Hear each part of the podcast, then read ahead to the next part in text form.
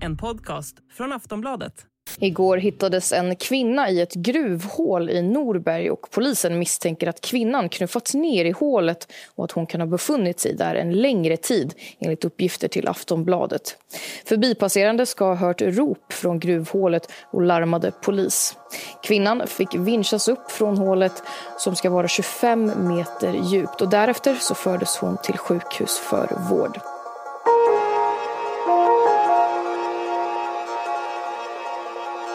Kvinnan hade varit fångad i över 30 timmar nere i det mörka gruvhålet. Hon hade överlevt både fallet och kylan och hade sen sån tur att en besökare råkade passera som hörde hennes rop på hjälp. Svårt nedkyld kunde hon räddas med helikopter och snart började den skrämmande förklaringen komma fram. Hon berättade att hon blivit utsatt för ett brott och kunde också ange namnet på en gärningsman. Var befann han sig nu? Det här är Kvinnan i gruvhålet. Ett avsnitt av podden Aftonbladet Krim. Jag heter Anders Johansson.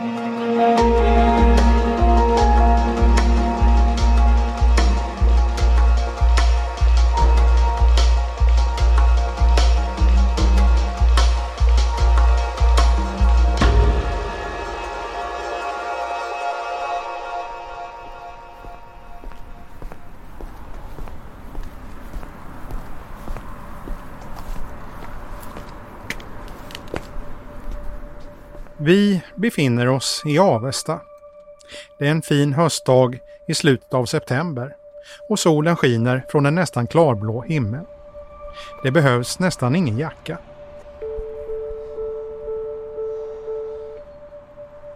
Vi ska besöka den dygnet runt bemannade brandstationen. Den största som ingår i Södra Dalarnas räddningstjänstförbund. Goddag, goddag. Ja, hejsan. Jag kommer från Aftonbladet. Skulle träffa Svante. Jajamän, då går jag och meddelar Svante att du är här. Ja. Här, bakom åtta höga portar, står styrkans olika fordon beredda. Vi är här för att vi ska träffa en person som jobbar som insatsledare. Alltså den som är ansvarig för Räddningstjänstförbundets olika utryckningar.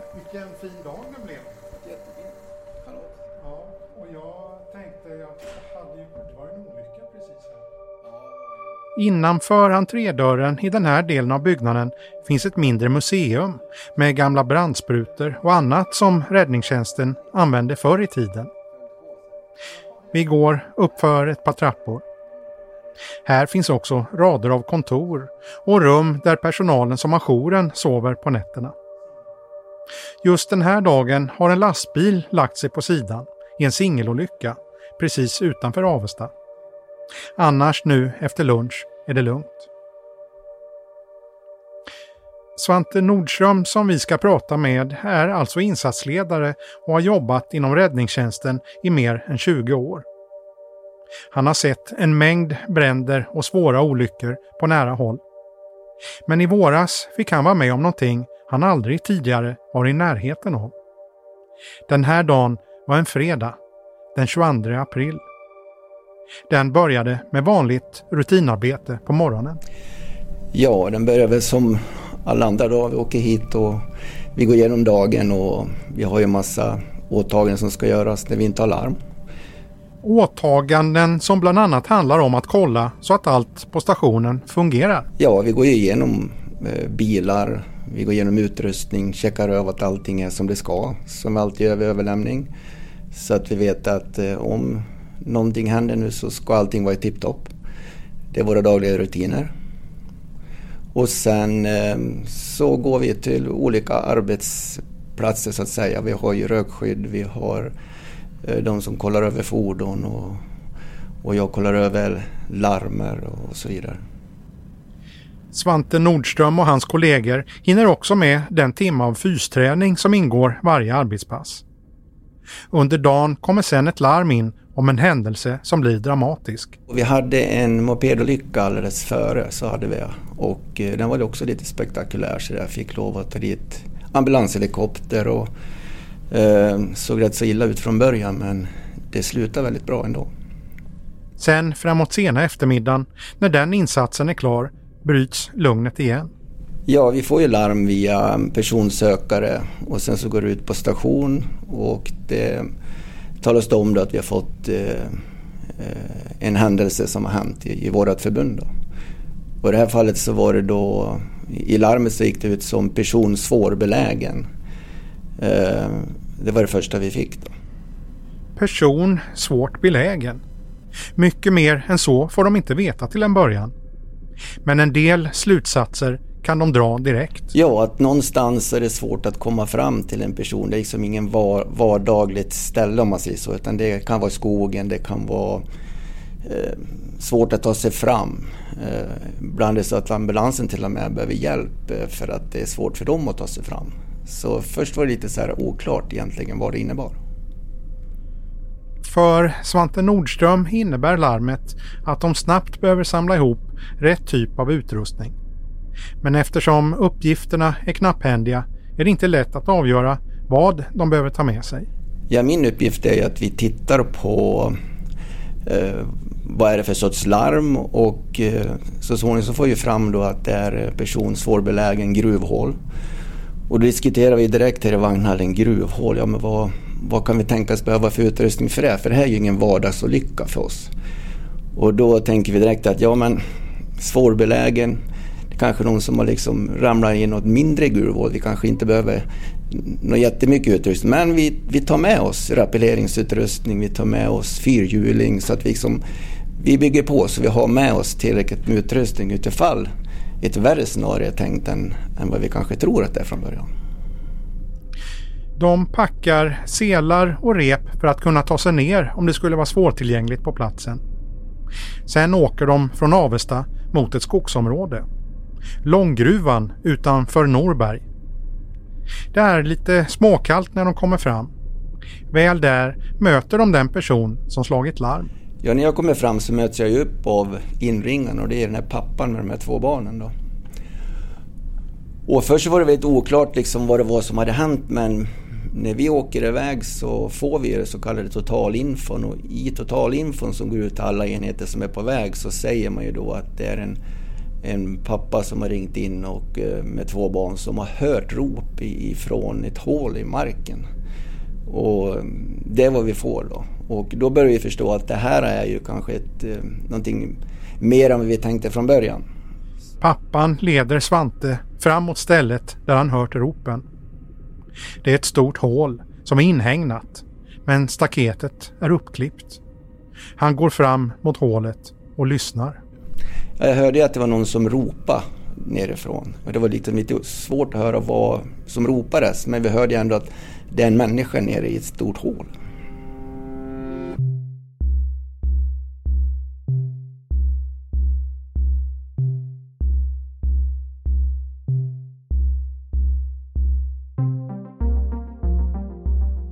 Det här avsnittet handlar om ett fall som kanske aldrig kommit till rättslig prövning om det inte vore för en rad lyckliga tillfälligheter.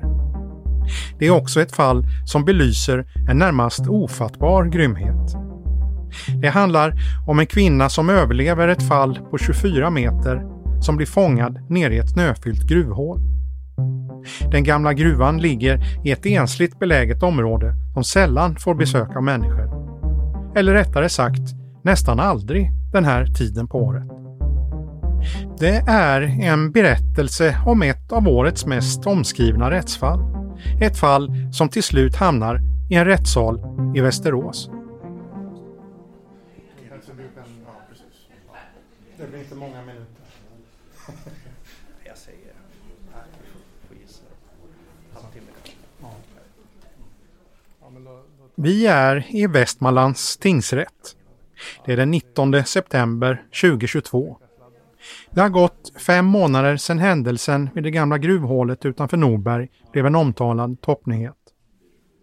Vi står utanför sal 1. Omkring 15 personer står här och väntar. Däribland en handfull journalister från bland annat SVT och Sveriges Radio. Det har varit lite strul med tekniken till högtalarsystemet, men nu har det löst sig.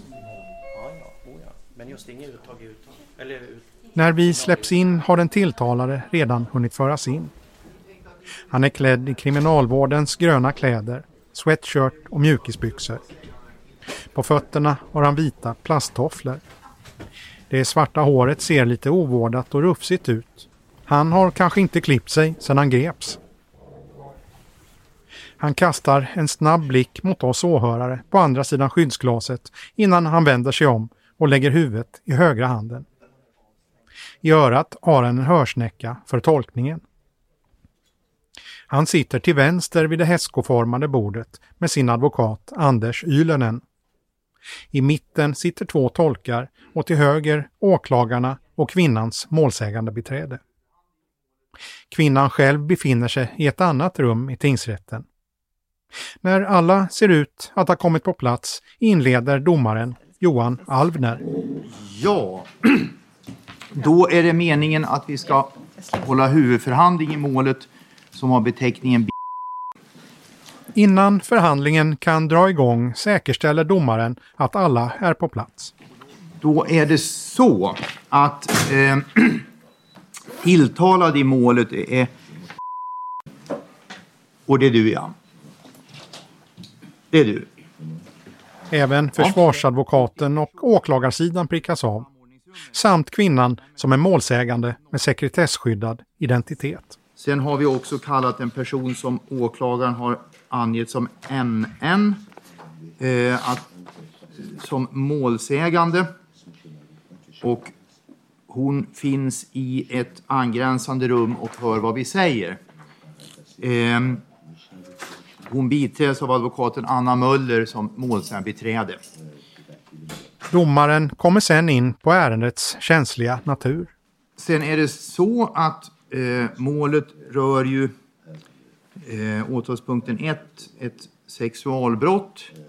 Och det betyder ju att eh, om målsägaren så önskar så kommer man inte att hålla förhandlingen offentlig och då har jag hört mig för med målsägandebiträdet att det är ett önskemål att stänga dörrarna efter eh, yrkanden och inställningar alltså.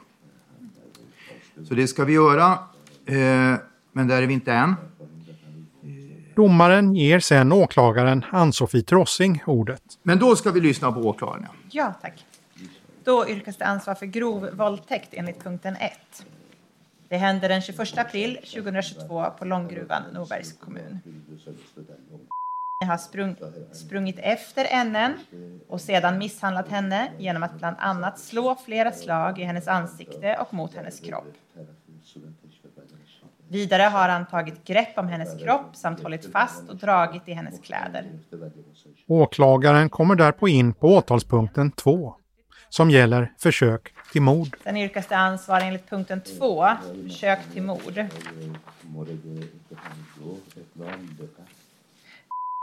har försökt att döda NN genom att kort efter händelsen ovan, alltså den grova våldtäkten, misshandla NN genom att bland annat slå, knuffa samt dra henne i kroppen och därefter knuffa ner henne i en 24 meter djupt gruvhål.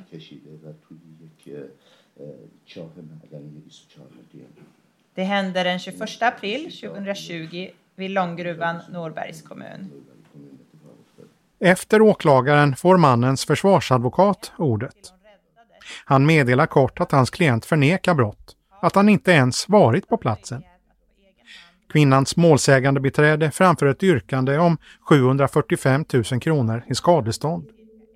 Kort senare stängs dörren. Ja, och då var vi igenom yrkanden och inställningar och då eh, är det så att då kommer eh, förhandlingen fortsättningsvis att ske inom stängda dörrar så att då får allmänheten avträda.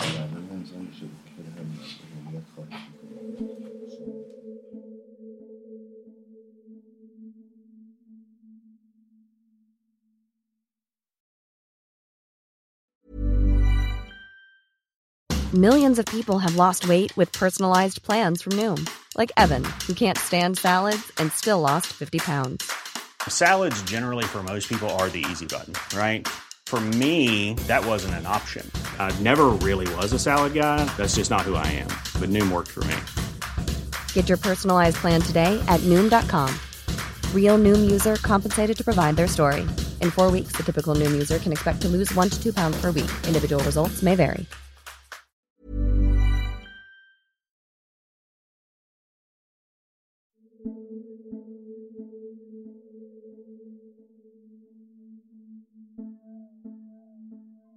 Det som ska avhandlas bakom stängda dörrar är främst kvinnans detaljerade berättelse.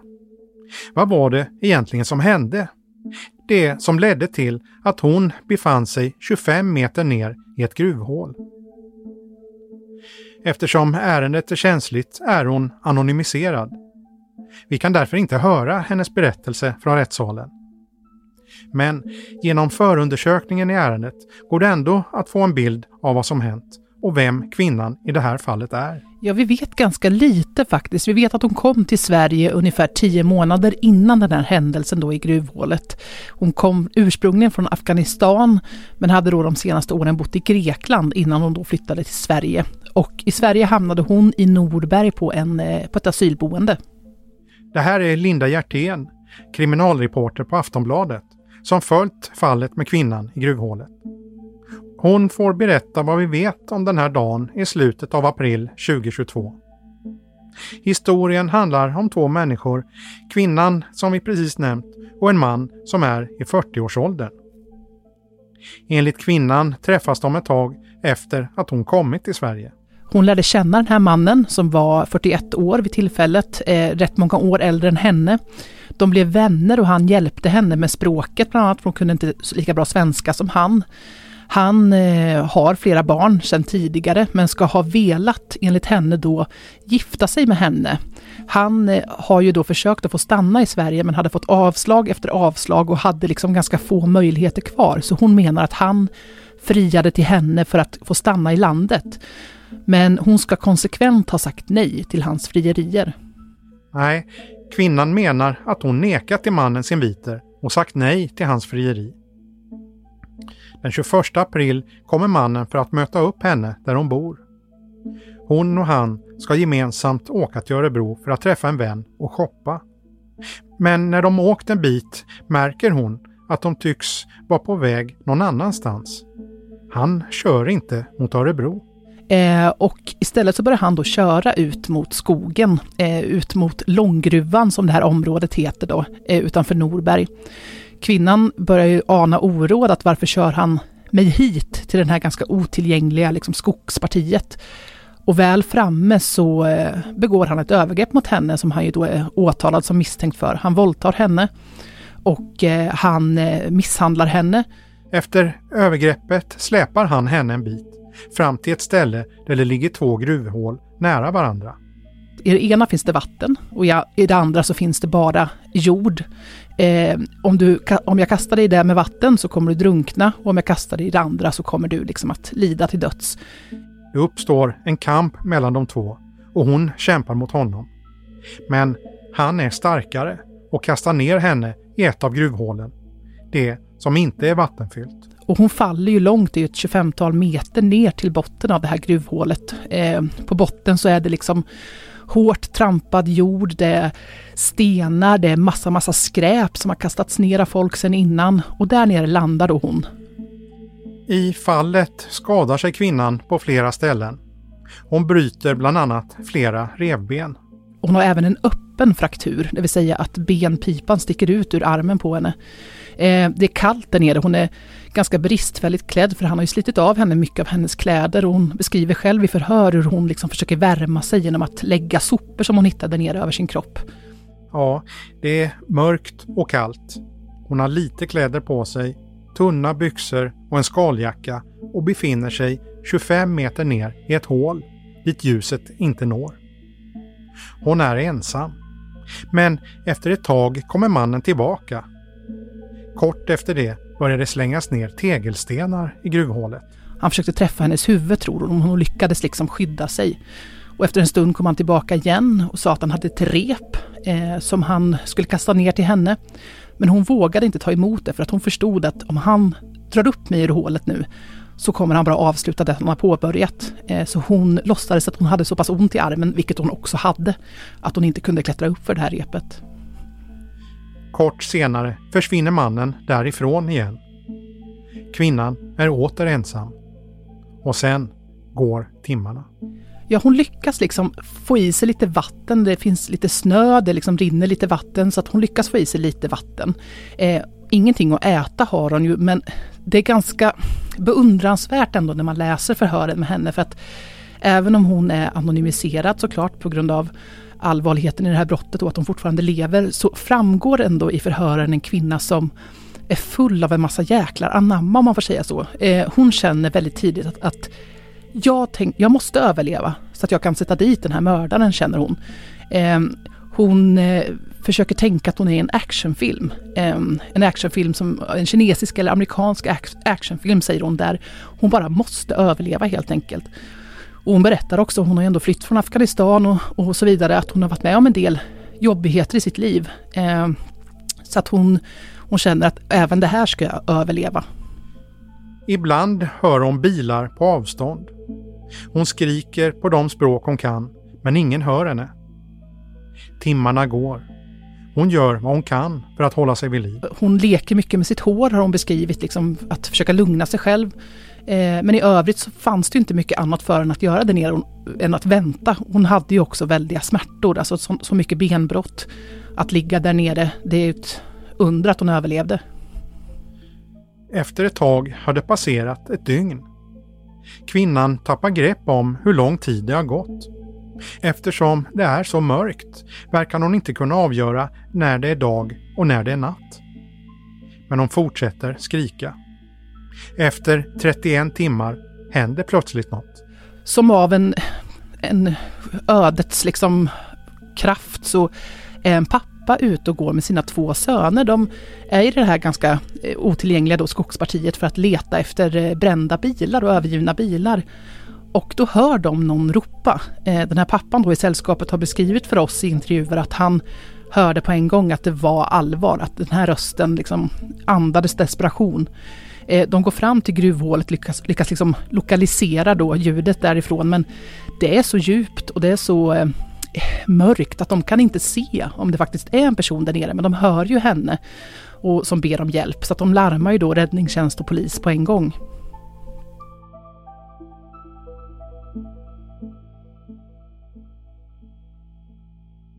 Det är här Svante Nordström kommer in i bilden. Alltså insatsledaren som vi träffade i början av avsnittet. Efter att larmet kommit in åker han och hans styrka mot platsen. De kommer fram, möter pappan och de två pojkarna och får platsen utpekad för sig. När de kommer fram ser de nästan ingenting. Nej, först så fick jag, gick inte att se så jag var tvungen att ta mig in innanför inhägnaden då och eh, gå runt så att så småningom så lyckades jag liksom få en, en bättre blick så att jag kunde titta ner i det här hålet. Men det var ju precis kolsvart där nere. Och det blir så, det var ju en solig dag det där så att det var ju väldigt svårt då innan man vänjer ögonen med att vad, vad, vad ser man för någonting. Så att efter ett bra tag så, så ser jag att det börjar på urskilja sig en människa där nere. Och jag ser att det är ett ansikte, jag ser att det ligger någon i, i det här mörka hålet. Då. Och då liksom blir det ju klart att ja, här har vi faktiskt en människa som ligger och ropar på hjälp. Så jag ropar till henne då och hör att hon är inte från, att hon är utländsk, eh, att hon, kom, att hon är utländsk då. Och men jag ropar på engelska och talar om att vi är här nu och vi kommer att ta oss ner och, och till dig så fort vi kan här nu då. Så att eh, eh vi är på väg. Inledningsvis har Svante svårt att förstå vad som har hänt. Vad är det som har gjort att kvinnan trillat ner i gruvhålet? Ja, först och främst så tänkte jag liksom att ja, hur har man... Alltså först var det en tanke som man har varit nyfiken och tittat liksom över kanten och sen halka liksom och, och, och på något vis ramla ner. Men eh, det var liksom de första tankarna som gick. Samtidigt så började jag fundera liksom att men vad gör den personen här uppe? Det är ingen bil här uppe. Det är långt upp i skogen. Så att, ja, det var lite så här eh, trevande först att hur hon ens har hamnat där. Men det släppte ganska fort för att nu gäller det liksom att få ner, informera styrkan som kom vad är det som har hänt och att här måste vi ta oss ner väldigt snabbt och, och försöka se vad som har hänt där nere och, och säkra den här personen. För Svante Nordström och övriga manskapet gäller det att jobba snabbt. Ja, min bedömning, bedömningen är ju att det här är ju, det är ju livräddande. Alltså här, är, här, här är det bråttom för att eh, när jag, när jag försöker liksom prata med henne så är hon väldigt svag. Så att här hörs det att hon, hon mår inte alls bra. Och sen hur länge hon har legat där var det ingen som visste då. Så att för vår del så blir det här väldigt akut. De börjar med att vincha ner en person. Eh, för att lokalisera liksom och, och säkra upp den här personen och titta liksom vad behöver vi för någonting mer här nere. Och sen eh, får vi info av eh, honom så skickar vi ner ytterligare en till med, med sjukvårdsutrustning och, och lite brädor och sånt som gör att vi ska försöka stabilisera henne. Då. När de väl är nere får de också en möjlig förklaring till hur kvinnan kan ha överlevt fallet. Som vi ser när de kommer ner så finns det ju snö i botten på, på det här gruvhålet och eh, Eh, tankarna går ju då att hur hon liksom ens har klarat det här fallet. Det gör ju liksom att vi tänker att ja men det var väldigt mycket snö längst ner så kanske det dämpade fallet en del ändå. Som gjorde att hon klarade sig så, i alla fall behöll livet som hon gjorde. Nu börjar arbetet med att försöka få upp kvinnan. Sen gör det att då måste vi försöka vidare sen titta på hur ska vi hantera eh, den här situationen efter att vi har säkrat upp henne. Vi måste ju få upp henne på ett eller annat sätt. Ganska snabbt inser Svante Nordström att det kommer bli svårt med den utrustningen de har med sig. Det kan gå, men det kommer att ta en väldig tid. Han kontaktar andra räddningstjänster för att be om stöd. Närkes räddningstjänst svarar och kommer dit. Men det kanske viktigaste beskedet kommer kort senare när de får reda på att Sjöfartsverkets helikopter är ute och övar just den här dagen och kan bistå i räddningsarbetet. Och det var ju också bara så att wow vilken tur att de var i luften redan för då tjänar vi direkt så mycket tid. Så att de drog ju direkt därifrån och kom på mellan 20 och 30 minuter var ju de dit eftersom, efter vi hade begärt det. Så det var ju en otrolig hjälp för oss. Med Närkes räddningstjänst och Sjöfartsverkets helikopter på ingång har teamet flera alternativ för hur de ska få upp kvinnan ur hålet. Nu har vi plan A, plan B och plan C om det värsta tänkbara inte skulle hända. Så, så har vi ändå en plan för att hon ska upp på ett eller annat sätt. Kort senare börjar det kritiska momentet i räddningsinsatsen. Helikoptern står och hovrar en bit ifrån då vid vår parkering och tar med en av ambulanspersonalen upp i helikoptern. Då. Och eh, när det är gjort så glider de över gruvhålet och vinschar ner först eh, eh, ambulanssjukvården. Och därefter så kom också livräddaren ner från helikoptern. Då. Och eh, tar med sig också då den korg som de använder för livräddning. I gruvhålet befinner sig redan personal från Svantes räddningsstyrka. Tillsammans stabiliserar de kvinnan och lägger henne i en typ av korg. Och då följer ytlivräddaren med eh, patienten upp då tillsammans. Alltså de, han sitter utanför själva korgen med henne då och så åker de upp i helikoptern. Sen vinschas korgen ner igen för att hämta ambulanssjukvårdaren. Och eh, när, när då patienten är uppe i helikoptern så åker vad heter han, ner och hämtar upp även ambulanssjukvårdaren. Eh, och efter det så går det direkt raka vägen till Falu lasarett med, med henne. Då.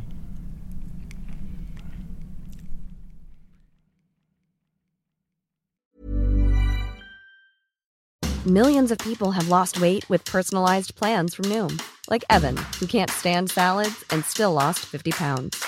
Salads generally for most people are the easy button, right? For me, that wasn't an option. I never really was a salad guy. That's just not who I am. But Noom worked for me. Get your personalized plan today at Noom.com. Real Noom user compensated to provide their story. In four weeks, the typical Noom user can expect to lose one to two pounds per week. Individual results may vary.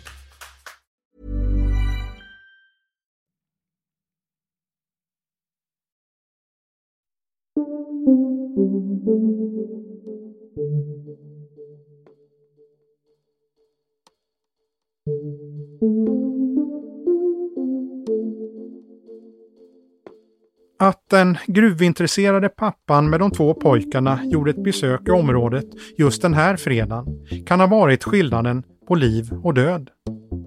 Om det inte varit för dem kanske kvinnan aldrig hade hittats. Senare samma dag når fallet nyheterna.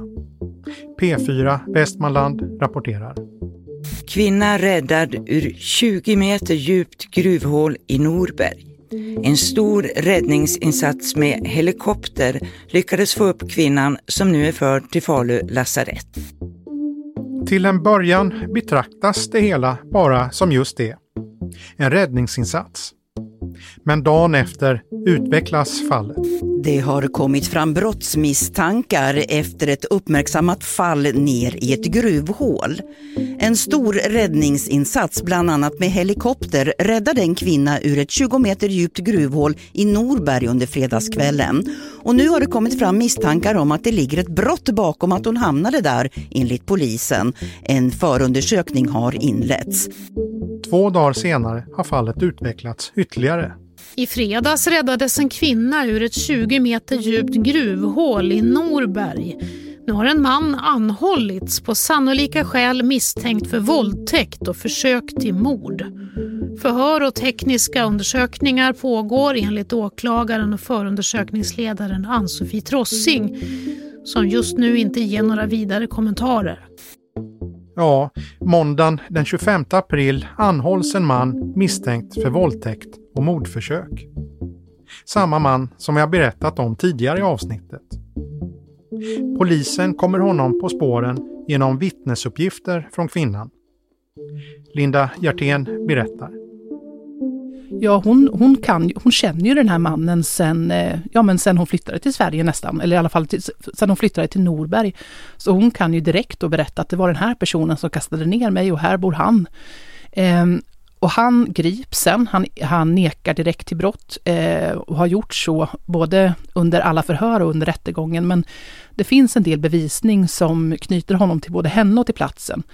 Dels har hans DNA hittats i henne. Eh, hon menar att hon blev våldtagen. Han menar att han aldrig överhuvudtaget har haft sex med henne. Så han kan inte riktigt förklara den här, de här fynden som har gjorts. Eh, han, eh, man har också kunnat lokalisera att hans mobil befann sig i just det här området. Eh, både vid tillfället då, som kvinnan kastades ner och sen även efteråt då, då hon har beskrivit att han kom tillbaka och liksom kastade tegelstenar och sen försökte lura upp henne. Så att det finns en hel del bevisning mot honom. Så pass tycker liksom åklagaren att eh, det går att åtala honom för försök till mord och våldtäkt. Vad är känt om den här mannen? Ja, han kom till Sverige 2015, även han från Afghanistan. Eh, och han har haft en tidigare fru som han har barn tillsammans med. Den här frun har varit försvunnen sedan år 2020 den här kvinnan som nu nästan dog då i gruvhålet, hon har berättat för polisen att han, innan han kastade ner henne i gruvhålet, berättade att han hade mördat sin förra hustru. Och att nu skulle han göra det igen, liksom då med den här kvinnan som inte ville gifta sig med honom. Det här nekar han till eh, och i tidigare handlingar så har han snarare sagt att frun ja men, troligtvis har flyttat utomlands med en annan man. Men eh, med tanke på då den här unga kvinnans uppgifter som han då ska ha sagt till henne så har den en utredning inletts om en försvunnen person, det vill säga då den här tidigare hustrun. Har utredarna hittat något motiv här? Nej, alltså det som man tror är motivet är att den här kvinnan inte vill gifta sig med honom. Hans motiv att gifta sig med henne ska ha varit då att han trodde att det skulle innebära att han kunde få stanna i landet. Han beskriver själv i förhör att han haft en ganska tuff ekonomisk situation här, pantat burkar för att liksom ha pengar till sig och barnen. Eh, och att han då sen ska kasta ner den här kvinnan i gruvhålet ska då vara för att hon helt enkelt återigen nekade eh, till att gifta sig med honom. I sitt arbete som kriminalreporter på Aftonbladet jobbar Linda Hjertén med en pågående granskning kallad Dödade kvinnor. I granskningen kartläggs varje fall där en kvinna dödats av sin man, pojkvän eller exman. Granskningen har visat att det ofta handlar om män som under lång tid varit våldsamma och kontrollerande. Ofta sker också morden i anslutning till att kvinnan berättat att hon vill lämna relationen och morden präglas ofta av övervåld. I det här fallet överlevde som bekant kvinnan och ingår därför inte i kartläggningen. Men Linda Hjertén kan se både likheter och skillnader mellan det här fallet och de andra fall som hon har bevakat. Ja, eftersom han ju totalt nekar till brott så är det lite svårt att säga. Eh, också det faktum att han och den här kvinnan hade ju faktiskt ingen kärleksrelation. Även om han verkar ha velat det, så hade de ju de facto ingen kärleksrelation. Hon hade istället berättat för honom att hon hade en pojkvän. Så att det är ju lite annorlunda. Eh, sen får man ju se vad det här utmynnar i, men och om man själv någonsin kommer kunna förklara eh, varför det här hände. Men här verkar det ju vara avslaget, alltså giftermålsavslaget, som har varit den utlösande faktorn och inte eh, det klassiska då att kvinnan vill avsluta relationen. Du jobbar ju med en pågående granskning av dödade kvinnor. Hur nära var den här kvinnan att komma med på den sorgliga listan? Ja, hon var ju nära. Eh, man har ju gjort massa läkarutredningar på henne givetvis och läkarutlåtanden och eh, det visar ju att eh, hennes skador var och en för sig eh, hade inte kunnat leda till, döden inom kort men däremot sammantaget och att då befinna sig utan mat och färskt vatten i ett väldigt kallt utrymme hade kunnat leda till att hon dog om inte hon hade fått hjälp. Det framgår också i utredningen att hon fick tillbringa flera veckor på sjukhus efter det här och även då när hon skrevs ut i mitten av maj i år så hade hon fortfarande kvarstående men av det här.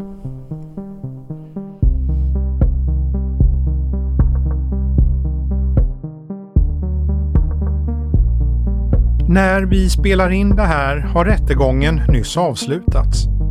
Det återstår några veckor till att dom ska meddelas och den åtalade mannen ska därför betraktas som oskyldig. I en paus pratade vi lite kort med mannens advokat, Anders Ylönen, om hur hans klient ser på anklagelsen. Ja, det är samma inställning som det var när jag var inne i salen. Att han har inte varit på plats och han har inte begått det här. Sen vad gäller hans personliga kontakt med mig, den kommer jag inte kommentera. Okay. okay. Tack. Tack. För de som jobbar på brandstationen i Avesta har arbetslivet gått vidare med nya larm och nya utryckningar. Det har gått nästan ett halvår men fallet med kvinnan i gruvhålet har stannat kvar i minnet. Både hos dem som var med på plats och hos de andra. När fallet nu blivit aktuellt igen väcker det tankar. Vi hör insatsledaren Svante Nordström. Ja, alltså det är som att i media nu har man ju hört att det är en rättegång som pågår och då växer ju liksom de här, Eh, de här eh, bilderna upp igen. Att eh, vi är vi som var där och vi pratade lite grann om det här också. Och vi hoppas ju verkligen att hon mår så pass bra som hon kan må. Men vi förstår ju också att hon har ju lång väg kvar till att kunna må bra. Men vi har ju pratat lite om den här olyckan och, och eh, eh, vi hoppas verkligen att hon kommer liksom att få en, en rättvis jag vet inte vad man ska kalla det för, men att hon får rättelse i det här. Så att hon själv kanske kan få ett avslut och gå vidare i sitt liv. Eh, det är en väldigt tragisk händelse det här så att eh, det tror jag påverkar oss alla med tanke på det som hände. På grund av en mängd lyckliga omständigheter kunde kvinnans liv räddas. Det skulle lika gärna ha kunnat slutat helt annorlunda. Ibland talas det om änglavakt. Men även om Svante Nordström inte själv brukar använda det begreppet så går tankarna ändå lite åt det hållet. Nej, vi använder väl inte ordet änglavakt utan eh, däremot så kanske det är så man kan kanske uttrycka sig att man hade änglavakt, att det gick så bra. Men vi tittar väl lite mer på mer konkret på orsak och verkan. Eh, vad var det som gjorde att det gick så pass bra som det gjorde? Så vi väger väl in många saker men eh, när många saker faller väldigt bra på plats så, så, tänker vi i alla fall så att det här var ju meningen att hon skulle hittas. Det var ju meningen att sanningen skulle fram. Det är det vi har kommit fram till.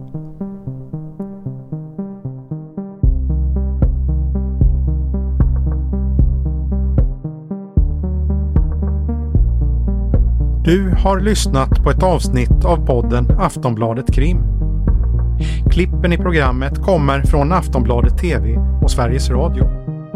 Producent var Marcus Ulfsand. Jag heter Anders Johansson.